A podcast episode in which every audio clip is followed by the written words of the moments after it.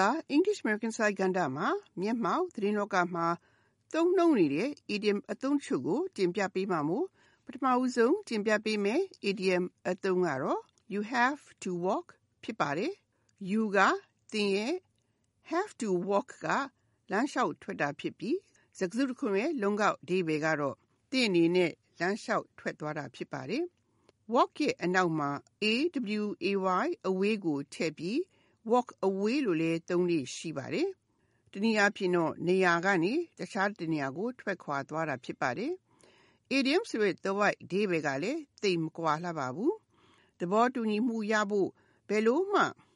ဘယ်လိုမှအပေးအယူဆက်မလုပ်နိုင်တော့ဘဲအပေးအယူဆက်မလုပ်နိုင်တော့တာညှိနှိုင်းလို့မရနိုင်တဲ့အဆုံးလောလောဆယ်ဆွေးနွေးနေတာကို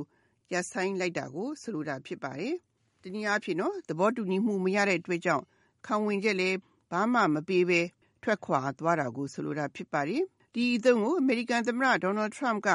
မြောက်ကိုရီးယားခေါင်းဆောင် Kim Jong Un နဲ့ဗီယက်နမ်နိုင်ငံဟနွိုင်းမှာဒုတိယအကြိမ်မြောက်ထိပ်သီးညီလာခံကျင်းပခဲ့ရမှာနျူကလ িয়ার လက်နက်ဖျက်သိမ်းရေးအဓိကပြဿနာနဲ့ပတ်သက်လို့ညှိနှိုင်းယူလို့မရတဲ့အတွက်ကြောင့်စီဝေးပွဲမှာဘာမှသဘောတူညီမှုမရဘဲဘာမှခံဝင်ချက်မရှိဘဲ ဘာမှ ပူးတွဲကြေညာချက် ထုတ်ပြန်ခြင်းမရှိဘဲနဲ့ ရုတ်တရက် အဆုံးသတ်ခဲ့တဲ့အတွက်ကြောင့် သတင်းစာရှင်းလင်းပွဲမှာ သမ္မတ Trump က sometimes you have to walk ဆိုပြီး တခါတရံမှာ ဘာမှ သဘောတူညီမှု မရဘဲနဲ့လေထထွက်ရမယ့် အခြေအနေနဲ့ ရင်ဆိုင်နိုင်တယ်ပြောခဲ့တာဖြစ်ပါတယ်။ဆက်ဆွေးနွေးနေလဲဘာမှ အကြောင်းထူးမှာ မဟုတ်လို့ ဆွေးနွေးပွဲကိုရပ်ဖို့ ဆုံးဖြတ်လိုက်တယ်ဆိုပြီး ရည်ညွှန်းပြောခဲ့တာ ဖြစ်ပါတယ်။ဒီအသုံးနဲ့ပတ်သက်လို့ဥပမာကို လေ့လာကြည့်ကြရအောင်ပါ။ The two sides walk away from the deal when they failed to reach a compromise.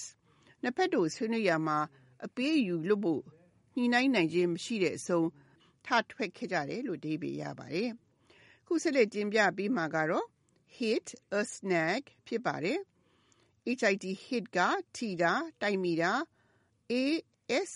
n a g snag ကအဓိပ္ပာယ်မျိုးမျိုးရှိပြီးခြုံနဲ့ထက်တဲ့ရှတဲ့ ညှိနိုင်တဲ့နေရာတစ်ခုကို ဆိုလိုတာဖြစ်ပါတယ်။နောက်အဓိပ္ပာယ်တစ်ခုကတော့ အခက်ခဲပြဿနာအနှောက်အယှက်ဆူးညောင်ခရုကိုလည်း ဆိုလိုပါတယ်။စကားစုခုံရဲ့ လုံးကောက်အဓိပ္ပာယ်ကတော့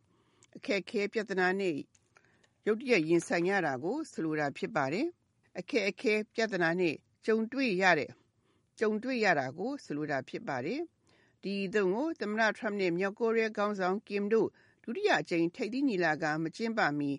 Trump နဲ့ Kim ကြား တဦးနဲ့တဦးစအပြန်အလှန် ဆက်သွယ်တာတွေ တဦးကိုတဦး ချီးကျူးပြောဆိုကြပြီးတော့ သူတို့နှစ်ဦးကြား ဆက်ဆံရေးဟာတိတ်ကို အဆင်ပြေနေတဲ့အတွက်ကြောင့် Trump က Kim ကို သူနားချနိုင်လိမ့်မယ်လို့ ယူဆခဲ့တာ ဖြစ်ပါတယ်။ဒါပေမဲ့ လက်တွေ့မှာတော့ ထင်သလို မဟုတ်ဘဲ မလဲတဲ့အတွက်ကြောင့် ညီလာခံကနေ ဘာမှသဘောတူညီမှု မရဘဲ ရုတ်တရက် Trump အနေနဲ့ ပြန်ခဲ့ရတဲ့အတွက်ကြောင့် Wall Street Journal သတင်းစာကြီးက Trump's approach to diplomacy hits a snag in North Korea's summit ဆိုတဲ့ခေါင်းကြီးနဲ့ရေးသားခဲ့တာဖြစ်ပါတယ်။ဒီအသုံးနဲ့ပတ်သက်တဲ့ဥပမာကိုလေ့လာကြည့်ကြရအောင်ပါ။ The peace process hit a snag due to recent clashes between the army and the ethnic groups. ငြိမ်းချမ်းရေးဆွေးနွေးပွဲဟာမကြာသည့်မိကစစ်တပ်နဲ့တိုင်းရင်းလက်နက်ကိုင်တွေကြားတိုက်ခိုက်မှုတွေဖြစ်ပွားတဲ့အတွက်ကြောင့်အခက်အခဲနဲ့ရင်ဆိုင်ခဲ့ရတယ်လို့အဓိပ္ပာယ်ရပါတယ်။ ခုနောက်ဆုံးတင်ပြပေးမယ် idiom အသုံးကတော့ cash in ဖြစ်ပါတယ်စာလုံးပေါင်းက cash cash ကငွေသားငွေဆက်ကူ in ကအထက်ဖြစ်ပြီးစကားခွင့်ရဲ့တိုက်ရိုက်အဓိပ္ပာယ်ကတော့ငွေဝင်အောင်လုပ်တာဖြစ်ပါတယ်ဒီအသုံးရဲ့ idiom အဓိပ္ပာယ်ကတော့အခွင့်အာဏာအမြတ်ရအောင်ငွေရှာနိုင်တာဖြစ်ပါတယ်ဒီအသုံးကိုသမ္မတ Trump နဲ့မြောက်ကိုရီးယားခေါင်းဆောင် Kim ကြား ဗီယက်နမ်နိုင်ငံ ဟနွိုင်းမှာ ကျင်းပခဲ့တဲ့ ဒုတိယအကြိမ် ထိပ်သီးညီလာခံကို အခြေပြုပြီး စီးပွားရှာခဲ့ကြသူတွေဟာ ခေါင်းဆောင်ကြီးနှစ်ဦးတို့ပါတဲ့ T-shirt ပုံတွေ ရိုက်ပြီးရောင်းတာတွေ KITSCH Kitsch လို့ခေါ်တဲ့ ဈေးပေါ်တဲ့ အမှတ်တရပစ္စည်းတွေဖြစ်တဲ့ တံဆိပ် ရင်တို့ဆွဲကြိုး စသဖြင့်တို့ကို ခေါင်းဆောင်ကြီးနှစ်ဦးတို့ပုံကိုသုံးပြီး ရောင်းချပြီး ငွေရှာခဲ့ကြတဲ့အတွက်ကြောင့် NPR သတင်းဌာနက Trump Kim Summit in Hanoi has vendors cashing in on kitsch. Trump နဲ့ Kim ထိပ်သီးညီလာခံမှာဟနွိုင်းရှိဈေးသည်တွေကအမှတ်တရပစ္စည်းတွေထုတ်ပြီးရှာခဲ့ကြတယ်ဆိုတဲ့ခေါင်းကြီးနဲ့ရေးသားခဲ့တာဖြစ်ပါတယ်။ဒီသုံးနဲ့ပတ်သက်တဲ့ဥပမာကိုလေ့လာကြည့်ကြရအောင်ပါ။ This is a good year to invest in dollars and gold. You can cash in on it. ဒီနှစ်ဟာဒေါ်လာနဲ့ရွှေဝယ်ပြီးရင်းနှီးလို့ကောင်းတဲ့နှစ်ဖြစ်တယ်။ ပြန်ရောင်းရင် အမြတ်အတော်လေးရနိုင်တယ်လို့ဒီပေရပါတယ်။ဒီသတင်းပါတင်ပြခဲ့တဲ့ idiom အသုံးတွေကတော့ walk away,